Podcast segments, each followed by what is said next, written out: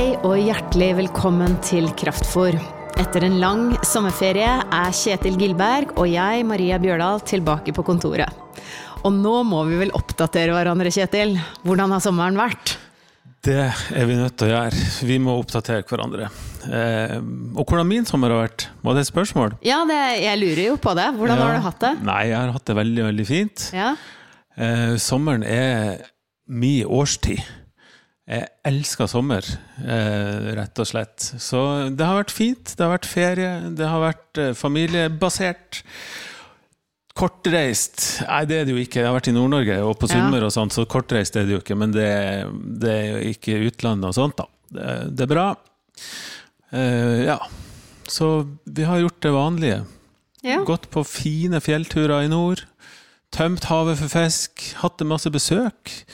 Uh, ja. Og surra rundt litt eh, hjemme i Oslo også. Det høres forbausende likt ut min eh, ferie òg. Litt familiebasert og vært i Nord-Norge et par uker med svigerfamilien der. Litt i Oslo, mye på Hamar. Begynte nesten å kjede meg til slutt. Gjorde du? Ja, jeg gjorde det. Åh.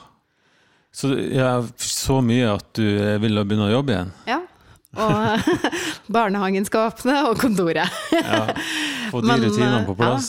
Ja, jeg synes... Der har jeg det helt annerledes. Få høre. Jeg begynte nesten å grine når jeg tenkte at jeg skulle begynne å jobbe i kraftverket igjen. Nei da, det var ikke så gærent, men jeg, Det er ikke kraftverket, altså. Nei, det er ikke kraftverket, altså. Det, nei, jeg er veldig glad i eh, Veldig glad i, i ferie, er det lov å si? Ja. Eh, I hvert fall har jeg blitt det. Jeg har vært veldig rastløs før om morgenen. Men jeg syns det er utrolig godt å ikke ha ansvar for andre enn meg sjøl og mitt. Utrolig deilig å gjøre helt andre ting. Og i stedet for å Jeg merker det på, på hva jeg tar inn i løpet av en sommer. Så, så setter ikke jeg meg ned og ser på eh, kjempetunge filmer eller leser eh, de verste bøkene eller noe sånt. Jeg vil ha det lett og lettvint. Og, legg, og rigga meg litt for det, da. ja. Sånn at uh, når det er fri, så jeg ser fotballkamper, går på fotballkamper og ja, går ut og fisker og gjør sånne ting som ikke krever noe av meg, da. Men hvor, hvordan har det gått i sommer, da? Hva har du vært opptatt av? Hvordan har tida vært? Ja, den har vært litt sånn prøve å, prøve å, å, å hente krefter igjen, da. Heller å lade batteriene og sånn som ferie skal være til. Gjøre andre ting. Kom, dra stikkontakten ut ifra det vante og vanlige. Som jeg har blitt mye mer bevisst på de siste årene, at det trengs. Det er nødvendig. Ja. Og det har vi til dels fått gjort eh, i år også, men eh, Det var en liten Men- forstyrrelse der på feriemodusen i begynnelsen av juni og juli. Eller slutten av juni og begynnelsen av juli, var det ikke det? Den debatten ja. i vårt land. Vil du fortelle litt om det? Ja, altså ferien har jo blitt prega av akkurat det, da. Altså, jeg var dum nok da til at ei uke før ferien så skrev, så skrev jeg altså en kronikk i Vårt Land eh, og tenkte at eh, hvis vi får ei uke på det, så blir vel eh, Ja, følgene av det, det, det kommer vel til å roe seg ned. Ja. Men det gjorde det jo ikke da. Sånn at det har vært liksom ganske mange oppslag i sommer i vårt land som en følge av den kronikken. Eh, så det har jo prega sommeren min, og det har, det har eh, ja, tatt en del av tida og gjort at det har vært helt umulig å trekke ut den, den stikkontakten der, da. Eller den Og for de som ikke har fulgt med og eh, lurer på hva den kronikken handler om, så er det jo altså eh, kronikken 'En frikirke for alle', eh, som åpner med den ingressen der du sier at noen vil nok hevde at jeg er uegnet som pastor etter å ha lest dette, men som heterofil, gift, trebarnsfar har jeg ingenting å frykte. Og så er det om eh, behovet både for samtale i Frikirka, men også at det er på tide å radikalt inkludere og åpne for skeive. Ja. Forstår jeg anliggendet ditt rett? Du har eh, fulgt med, du, Maria. Jeg Det har prøver, du. prøver jo på det. Ja. Nei, det er jo det som er saken. da. Det, det er jo et tema som det er mye eh, fyr i, rett og slett. Og det, det engasjementet der har jo på en måte ikke fått utløp så mange plasser. I, hvert fall i frikirkelig sammenheng. Altså, da, da, tenker jeg på i det pinsekarismatiske miljøet eh, overalt utenfor Den norske kirke, så har det på en måte vært et, en, en, tematikk som har vært vanskelig å prate om. Så, så eh, i vår så kom det ei bok med en kar som heter Terje Hegertun ja. som eh, er leder, pinsehøvding, som skrev ei bok der han, han eh, overraska de fleste med å si at nå må vi inkludere skeive. Og det starta en en eh, føljetong i avisa Vårt Land, eh, som gjorde at mange engasjerte seg både for og imot ifra, i, i, pinsebevegelsen, da først og fremst. Og en av de som gjorde det, var en kar som heter Knut Anders Sørum, en ganske kjent musiker, som skrev om sin oppvekst og barndom i et pinsekarismatisk miljø som skeiv, og hvor vanskelig det var å komme ut. Og det var en helt sånn klassisk historie som vi har hørt mange ganger før. Om skam, om eh, hemmelighold, masse frykt. Og om eh, alle disse tingene her, da, som og det at man blir ønskt velkommen, men er ikke akseptert. At det er en sånn dobbeltkommunikasjon. Akkurat det. Du er velkommen. Du er så hjertelig velkommen, men du er ikke akseptert. Det skriver han. Og, og beskriver også hvordan det oppleves. Sånn at dette hadde vart litt i vår, vært en måneds tid eller noe sånt, og så, og så grep jeg tak i det som hadde skjedd der, og, og uh, i kronikken til Knut Anders Sørum, og så spør jeg ok, tenk hvis han hadde vokst opp i kraftverket, ville han hatt det annerledes da? Opplevde, det, opplevd sin barndom og oppvekst annerledes da? Og så måtte jeg tenke gjennom, og så fant jeg ut at nei han ville hatt det akkurat likt hos oss. Og, og, eh, så det er bakgrunnen for, for kronikken, da. Og da, da er, er, jo mitt anliggende, og har vært det lenge, men det blir veldig tydelig formulert her da for første gang, at, eh, at dette står jeg egentlig ikke for.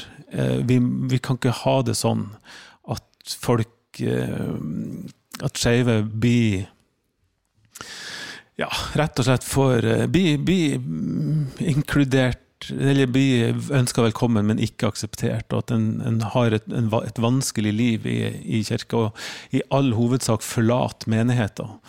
Eh, ofte i stillhet. Eh, så nei, sånn at jeg tenker at så jeg stilte spørsmål ved teologien. Kan vi ha en, kan jeg stille meg bak en teologi som skaper så mye utaforskap, som skaper så mye problem for folk. Mm.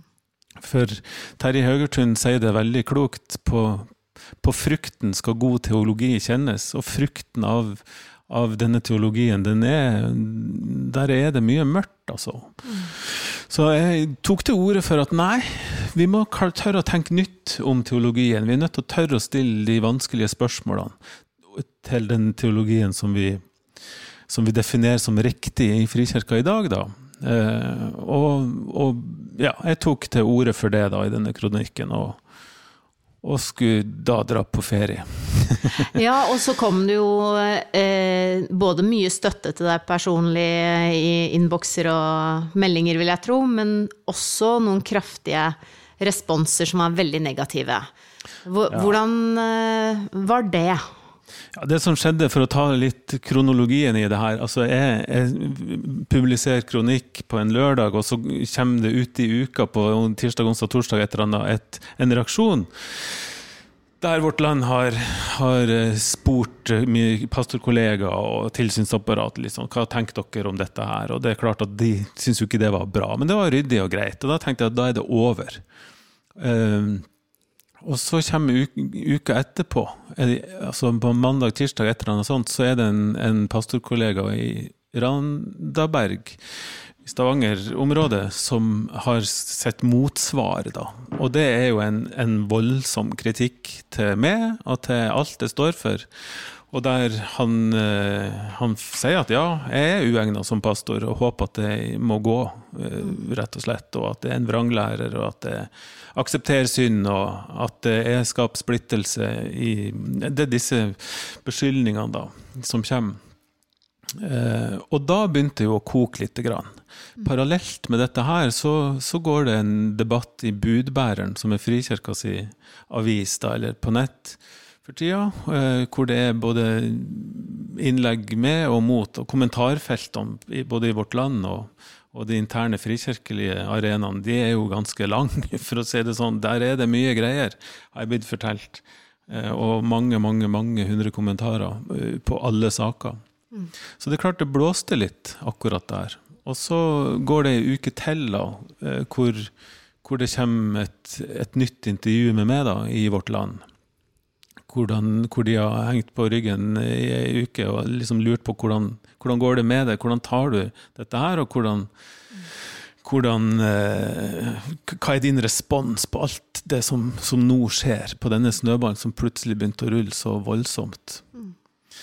Og, det, et, og da, det, ble et veldig fint intervju, om jeg nå må si det sjøl. Fordi at målet der var å, å, å roe ned. Grann. Roe ned hele greia. Så jeg, og jeg har jo klart meg fint. Jeg, mener, jeg har jo vært på ferie, jeg har vært med familie, jeg har gjort andre ting. Og det har liksom skjedd litt utafor meg sjøl, mm. alt dette her. Men det som var min bekymring da, det er jo når alle, alle disse frontene og de harde meldingene blir synlige, at skeive i Frikirka skal mest håpe om at dette noen gang skal gå bra. Fordi at når, når, den, når det kommer til overflata, hvor, hvor, hardt det kan være da, mm. så ble jeg bekymra oppriktig for at eh, for de det virkelig gjelder, ikke orker å være her lenger. At dette blir for, for lang vei å gå, da. Og det håper jo virkelig ikke at det skal være. Mm. Men det er klart, den, den, greia som har vært nå i sommer, den, den viser jo at det, det, står mye på spill. Og det er mange meninger, og voldsomt med følelser. Mm. Og, og eh, helt åpenbart at det vil bli en ikke akkurat friksjonsfri vei å gå fram til der vi nå en gang kommer til å ende. Det er sant.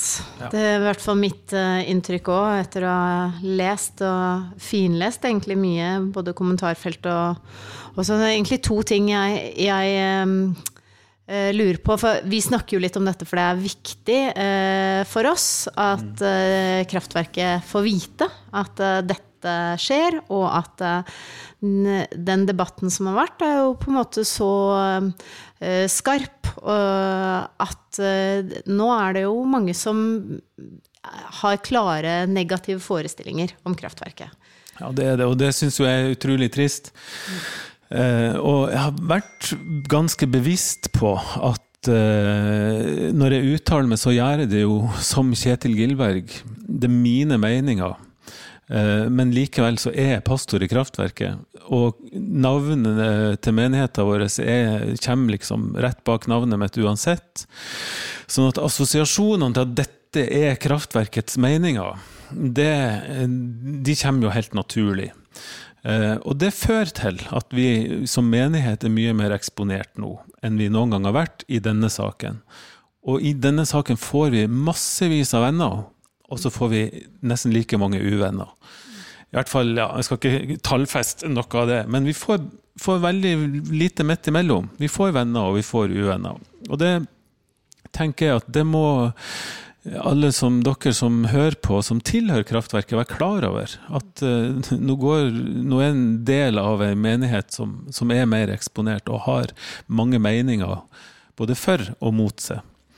Uh, ja, men det som er utrolig viktig for meg å, å målbære da, i den sammenhengen, det er at i kraftverket ønsker vi at alle meninger og alle personer og alle mennesker skal være velkommen.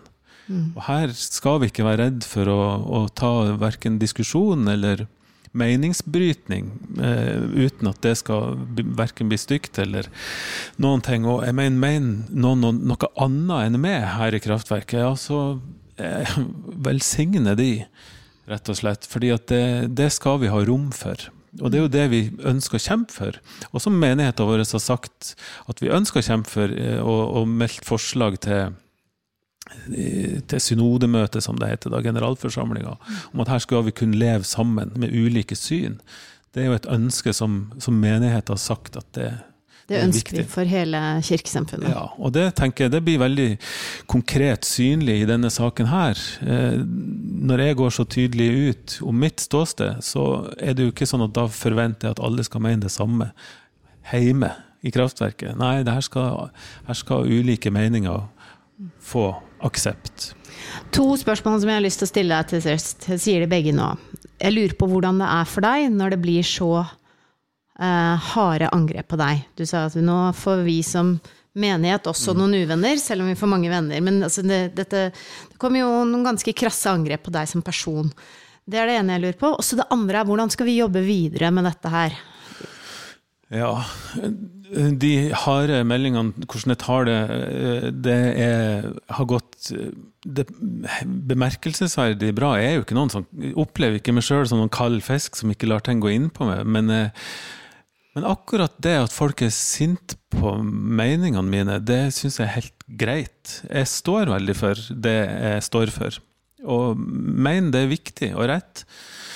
Eh, og som jeg skriver og sier flere ganger, det er jo ikke farlig med meg. Jeg er både velkommen og akseptert. Det er meningene mine som ikke er akseptert, og det er noe helt annet. Da ønsker jeg å flytte fokus over på skeive, som ikke er akseptert. Mm. Og det er en helt annen kamp å stå i. sånn at jeg, jeg, jeg har ingenting å klage over. Det er klart det har tatt tid, det har tatt oppmerksomhet, men jeg er ikke såra eller bærer ikke nag til, til, noen rundt dette her. Tvert imot så har jo, har jo Som sagt, man får venner og uvenner, og det er jo vennene som ofte stiller opp i den sammenhengen her. Så, så hvor mange meldinger jeg har fått på, på Messenger, på tekstmelding og mailer og gamle damer som har ringt. En hel haug.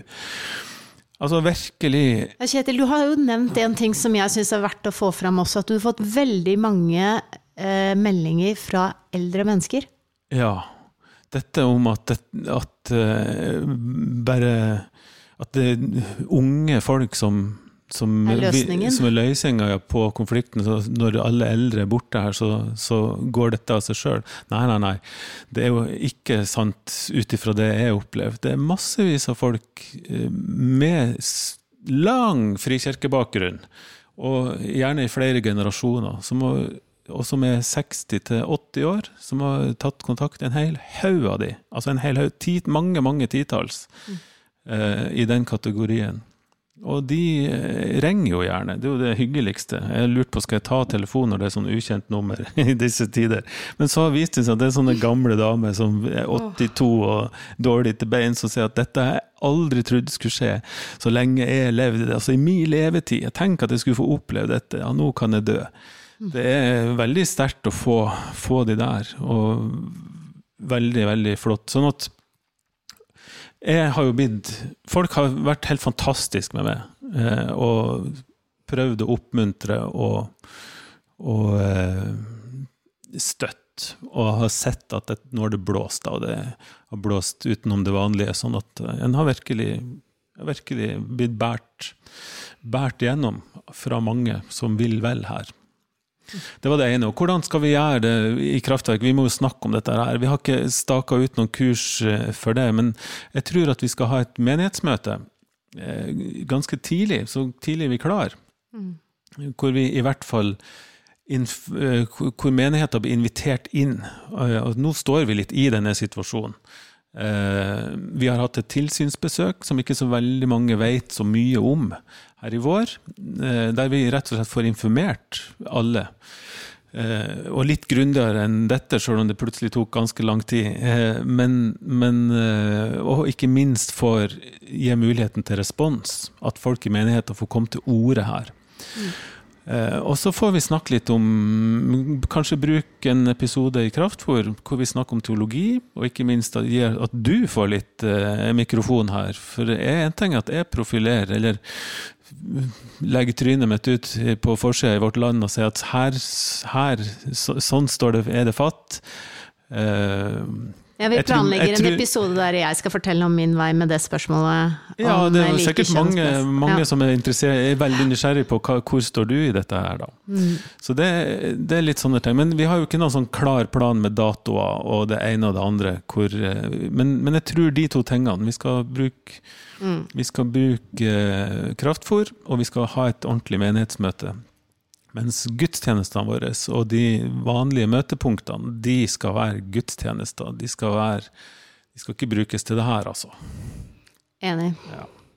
Men du, nok om Nok om meg, og nok om dette. Du får høre, Maria Bjørdal, din sommer. Min Hva, sommer. ja, hva, hva preger din sommer? Nei, det er som eh, jeg sa, at det er noen paralleller. Jeg har vært et par uker i Nord-Norge med svigerfamilien som bygger gjestehus. Masse barn. Eh, ja, deilig vær. Men det, sommeren er ofte en tid der jeg håper å få lest mye. Så, og det, det har ikke blitt dødsmye, for det man skal liksom ikke overdrive den oppmerksomheten det krever å være nærværende. Med familie og, og små barn, da. Eh, Spesielt Frans, som eh, har mye behov.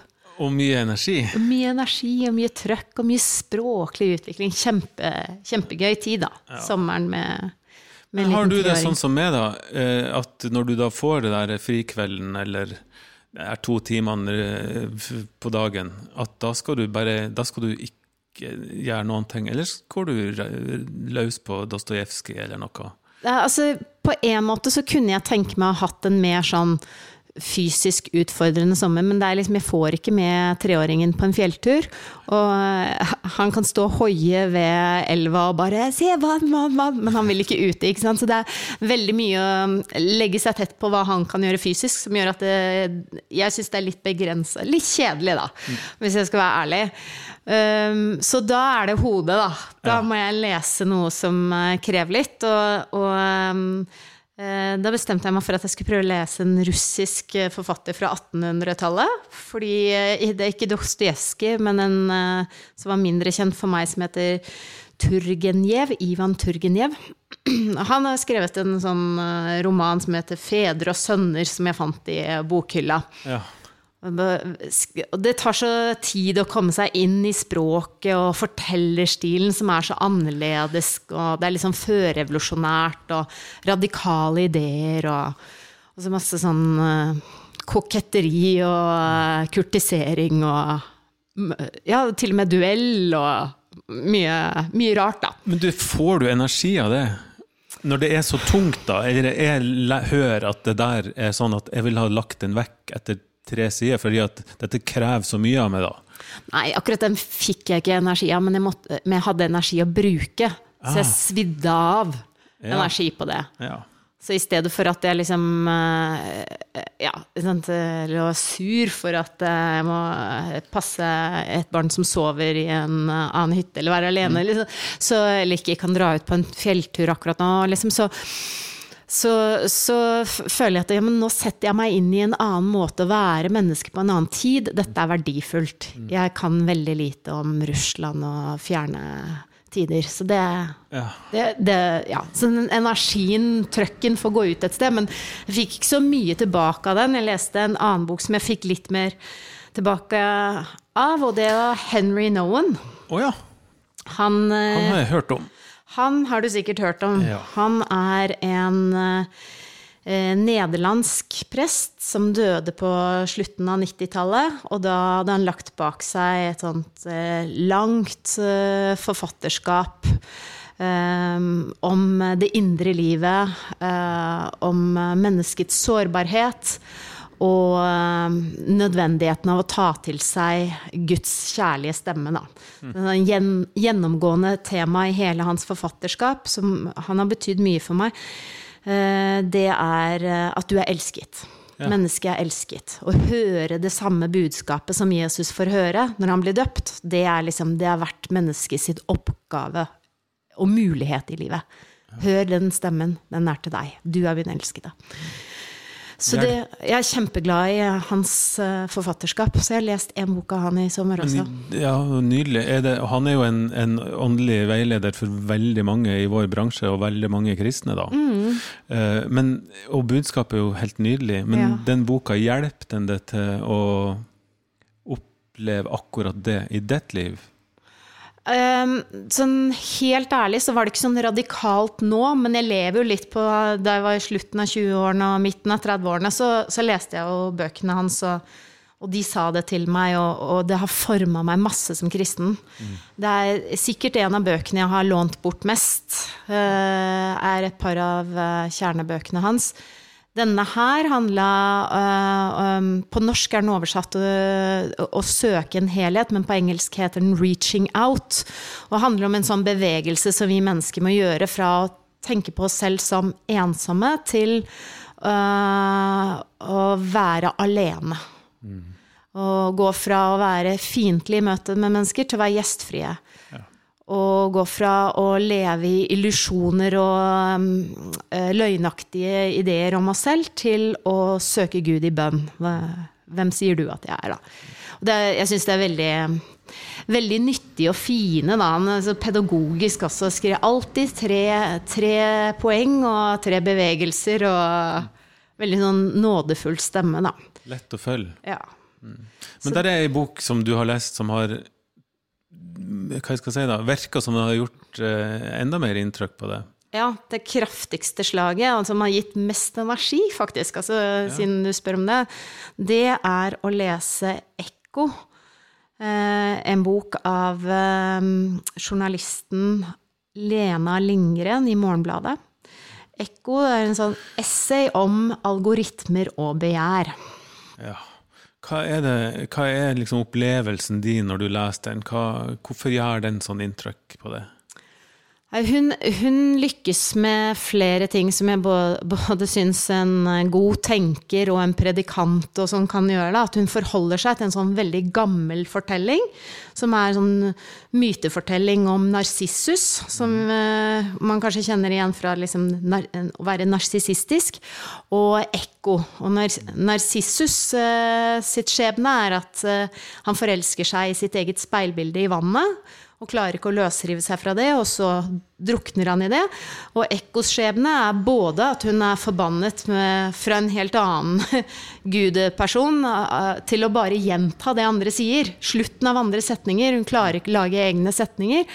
Og at hun er forelsket i Narsissus, som er forelsket i seg selv. Så her er det liksom en sånn grunnfortelling som Lena Lindgren eh, har som sånn tilbakevendingspunkt. Nesten litt sånn som vi holdt på med Bibelen, ikke sant? Mm. Når vi forkynner. Og så er tematikken hennes, og det er det som berører meg så sterkt, for jeg syns hun er så modig og kul som går inn i det, det handler om eh, informasjonsteknologien, Silicon Valley og sosiale medier. Algoritmene, spesielt i de sosiale mediene, og hvordan de preger vårt indre liv. Og hvordan de preger våre relasjoner, og i det store bildet politikk og alt, da. Ja. Og dette gjør hun eh, så elegant, uten å være moraliserende eller sånn 'Sånn skal du leve, og slett Facebook, og gjør sånn', og drrrr. Det er liksom ikke noe av det, men du kjenner at det, det, er så bra at noen tar tak i dette på en dyptpløyende og varsom måte, da. Avslører hun informasjon som er ny? For meg er den det. For folk som følger med i feltet og har lest masse, så, så er den sikkert ikke det. Men jeg har vært sånn Mitt forhold til eh, all informasjonsteknologi, egentlig, og Facebook og sosiale medier har vært å sitte litt sånn bakpå, og så liksom eh, la meg drive med av strømmen, på en måte. Eh, og sånn sett så er jeg jo litt ekko, på en mm. måte.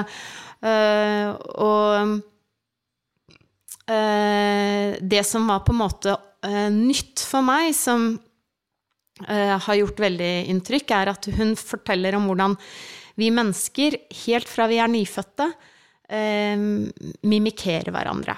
Mm. Og at eh, når du er eh, bitte liten baby, så, så, vil du geipe tilbake når noen geiper til deg.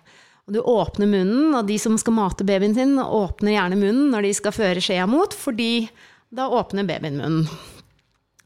Uh, og dette gjentar seg. Vi, vi, mimikerer Små barn vil ha den samme leken som et annet barn har. Uh, og så blir vi mer voksne, og så prøver vi å skjule det. Men egentlig er dette her veldig dypt i mennesket, da. Det er hennes teori. Det er hennes teori, som hun låner fra en fransk filosof. Ja. Men denne teorien preger Facebook. Og preger mange av de grunnleggende investorene og folka i Silicon Valley. For han filosofen han jobba der, på universitet. Så eh, hun forklarer hvordan våre dypeste hva skal si, lengsler, men også sårbarhet som mennesker, blir grovt utnytta i det systemet. Og det gjør hun på en så saktmodig og, og samtidig drivende god fortellermåte at jeg henger med. Det var en page-turner. Ja. Og før jeg kom til siste side, så tenkte jeg jeg lurer på om jeg må slette Facebook et år. Ja, For dette blir jo et spørsmål, da. Ta boka igjen, mm. gå, mer i boka, men går den Snakk den til det og til og med, og vår alles Facebook-bruk, eller hvordan vi, vi personlig fanger, eller snakk den systemkritisk her? Altså at den går på det politiske plan, nærmest. Den er eh, veldig elegant i at den forholder seg til det nært menneskelige. Så det er hun som reiser til Silicon Valley og oppdager disse tingene. Fletter det opp mot Trump og hvordan han ble valgt. Og fletter det inn til eh, bloggeren Sofie Elise i Norge. Og fletter det inn til seg selv. Uh, men snakker nesten aldri til meg sånn 'sånn må du gjøre'. Nei. Du går og slett Facebook, eller 'her nå lager vi et nytt eh, alternativ kanal eller plattform for menneskeheten'. Mm. Hun tilbyr vel egentlig, hun er veldig sekulær, da, men åpner opp det religiøse rommet og snakker om Jesus og snakker om teologer som snakker om disse tingene her. Men for oss sekulære, da, skriver hun, så er liksom naturen, å gå mer tilbake til naturen, som er svaret, da. Ja. Men hørte rett? At du skal eh, slette Facebook? ja, jeg har eh, Jeg tenkte jeg skulle spørre deg om lov. Det har litt å si for, for, eh, for eh, mitt forhold til eh, Kraftverket Sosial og vår Kraftverket-page på Facebook. Men det er det jeg har tenkt, ja. At jeg prøver nå i august å melde meg av et år. For å gjøre en liten innsats for Jungeltelegrafen, nettsidene våre, SMS. Ja, for det, der, det, er jo, det, er jo, et radikalt grep å ta. fordi at hadde du vært alene i verden, så er det jo greit. Mm. Men, men, eh, så mye informasjon som da tross alt er nødvendig, mm. Eh, og kanskje ja, i hvert fall også i forhold til kraftverket og jobb, og, så er jo det den informasjonskanalen vi har. Kraftverket Sosial nevnte du. Denne mm. eller gruppa som er åpen for alle, men som, hvor det er litt mer interne meldinger, da og Facebook-sida. Og der, der, poster vi jo alt. Hvis man ikke er med der, så går man glipp av ganske mye som skjer, faktisk. Mm. Uh, der skal du ut. Der skal jeg ut et år. Hva tenker uh, du å oppnå med det? Nei, jeg tror at Facebook som helhet funker litt sånn på meg. At jeg tenker at jeg er veldig nærværende veldig mye. Og så blir jeg litt mer fraværende i eh, de reelle møtene. At det er mindre kapasitet til å ta en telefon og til å ta direkte kontakt. Uh, og det merka jeg litt i korona, for da hadde vi på en måte mye lavere aktivitetsnivå. slik at da ble nettopp det å finne ut hva er telefonnummeret til den og den personen, og ringe og høre hvordan står det til, liksom, ble jo en av de tingene både du og jeg gjorde. Uh, slik at jeg ønsker egentlig å utforske det, om det er mulig å faktisk få et større grad av evne til nærvær. Men jeg uh, kan jo ikke stikke under noe som helst stol at her, her, vil jeg jo slite med å henge med i noen ting. Mm. Men da ja. gjør du det mest for din egen del, da, og ikke for at uh, alle andre skal følge etter? Jeg har en veldig sånn morsom indre bilde og historie, for jeg har hørt en podkast der Kristoffer Schou forteller om eh, at han begynte på universitetet. Og gikk eh, et par uker på X-Fill eller X-Fac, og så liksom bare syntes han noen av de greiene var helt fordummende. Og så reiste han seg opp og liksom viste fingeren til systemet og sa 'dette gidder jeg ikke', liksom.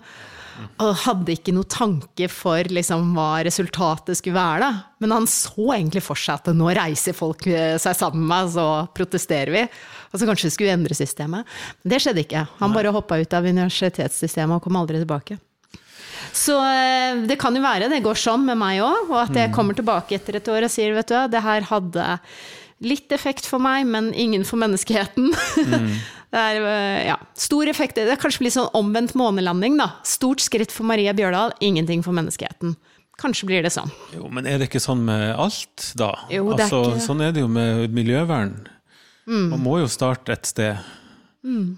Eh, og det er hos seg sjøl. Og så kanskje det er noen som ser at det, dette er bra for en.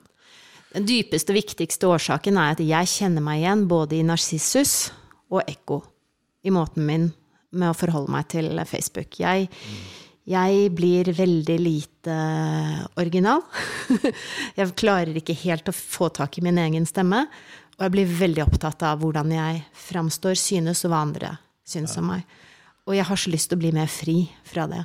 Så det er min dypeste drivkraft. Akkurat der tror jeg det var mange som kjente seg igjen. Ja. Sånn er vi jo alle. Mm. Men å tørre å ta det steget og bli fri fra det, da, det er jo eh, Vi får snakkes om et år. ja. Når vi hører åssen det har gått, Ja, om, vi- om flere av oss eh, skal tørre. Men det du, det, det du beskriver da, altså i den boka 'Naturen er veien tilbake', men, men det du beskriver, det livet du beskriver, det er jo det jeg har vokst opp med. Som er så gammel, som ikke har Jeg hater jo den derre Nå skal vi, skal vi lage en avtale, så skal vi tekste hverandre. Ja. Så skal det gå en tråd der med 1400 meldinger, i stedet for å ringe hverandre og si at du, nå møtes vi der og der, og sånn og sånn, og du tar med ditt, og jeg tar med datt, og så, og så er vi ferdig med det. Og i hvert fall hvis det er flere involverte.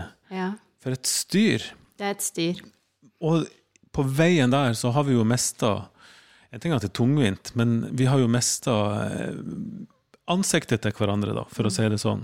Spontanitet, kanskje. Ikke minst. Og ikke minst også det som ut, eh, utarter seg når en prater sammen. Det skjer alltid noen ting da som du ikke, som ikke Det er ikke så kontrollert som når du tekster. Ikke sant? Så det er noe veldig, veldig fint der. Så kan hende følge etter. Men, ja, eh, det hadde vært moro. Men eh, jeg skal henge in there Ja, du, du foreløpig. får ta, du får ta tenke for laget, du nå.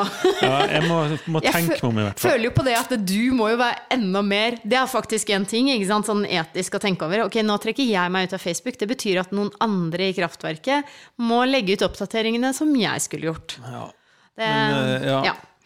Det, men eh, Kjetil, eh, det er nå det jeg har lest og brukt hjernen min på i sommer. Hva, hva med deg, da? Du har lest noe greier, du òg? Ja, jeg har lest noe, gre det? greier, men eh, jeg har det som sagt motsatt. Jeg setter meg jo ikke ned og skal ha det tungrodd når jeg skal kose meg. Så jeg ser på Alex Rosén og Aune Sand som er på Bleik, og kan ha 14 episoder med de to. Og det, det er ikke djupt, la oss nå være ærlige og si det. Men jeg koser meg, sant? henter energi da. Og jeg tror jeg har det litt annerledes enn det der at jeg har ja, det kan, Jeg vet ikke hvorfor det er sånn med alder og alt mulig rart, men jeg har ikke så mye å gi. Jeg orker ikke å gi ei bok min energi, altså. Eller en TV-serie eller musikk eller sånn som jeg ikke liker. Jeg, jeg gir det ikke en sjanse.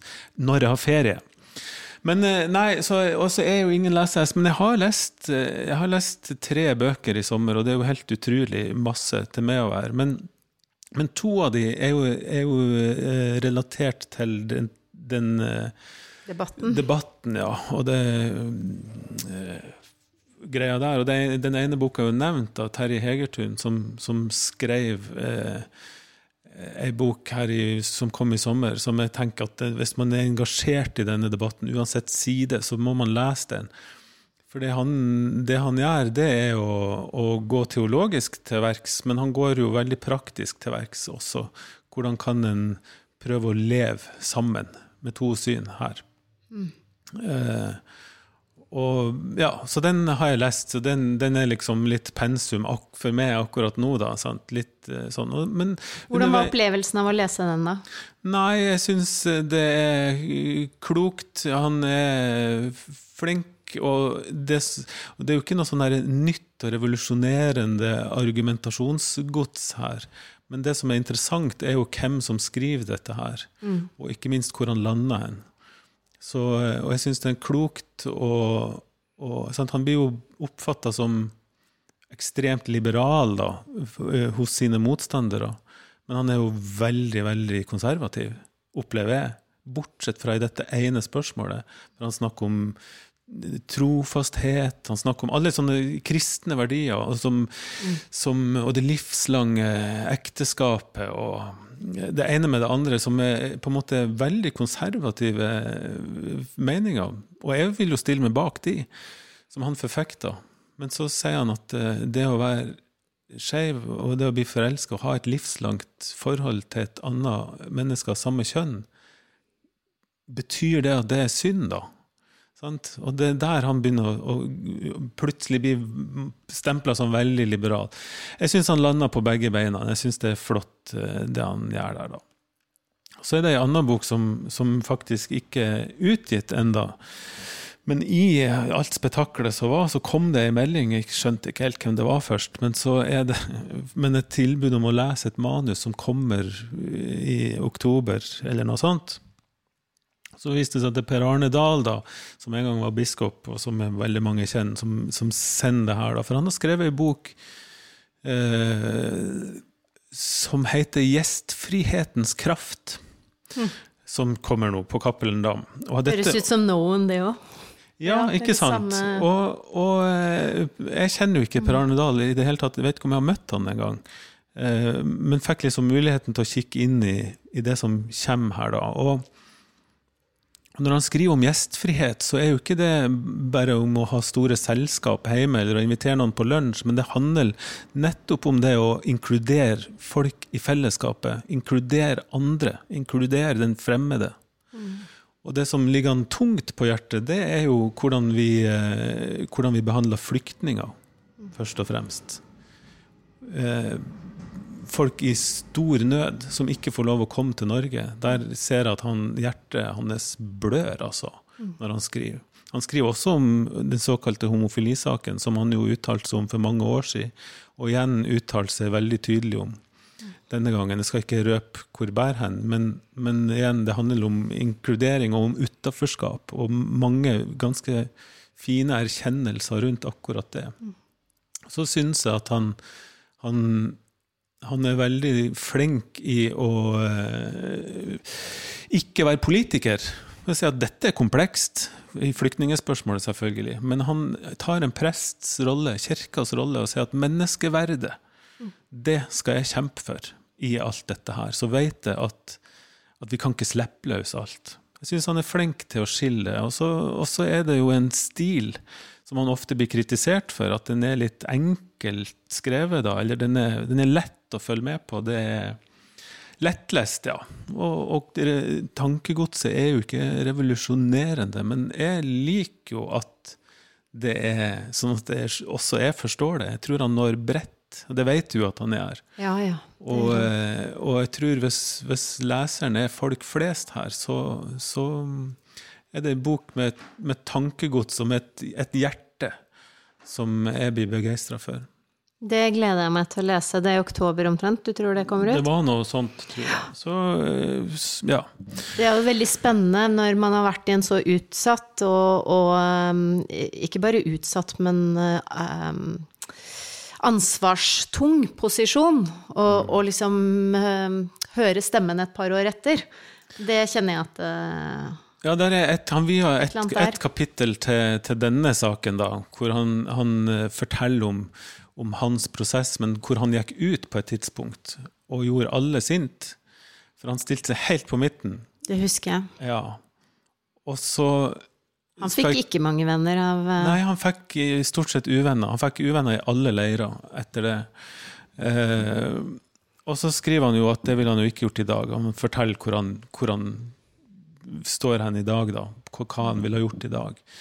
Uh, og det skal jeg ikke røpe, for det, det må dere lese. Men, uh, men uh, det er interessant. Det det er livet hans, det. Så ja. Og så har du Sist- lest en bok til, Kjetil. Ja, altså jeg har lest ei bok til, og den har ikke bare kommet forbi min vei, sånn som disse to andre, på en måte. Men dette er en bok jeg har gleda meg til. Og som ble en ordentlig sånn her eh, lykkepille i sommer. Til tross for tittelen. Åste Dokka. Som har skrevet boka 'Leve vanskeligere'. Jeg ler på forhånd fordi jeg visste at det var tittelen. Ja, det det var morsomt at det var lykkepillen din. Ja, hvor hun da bretter ut en elendighetsteologi. Oss Mm. dere, vi kjenner jo hun begge to. Eh, og eh, kort fortalt, da, om innholdet i boka, så, så, sant, så er det at hun skal et år så skal hun sprenge maraton, og hun skal fullføre studiet på altfor kort tid, og hun skal gjøre veldig mange sånne store ting på en gang, da, og så går alt åt skogen. Det ble ikke noe annet. Alt gikk elendig.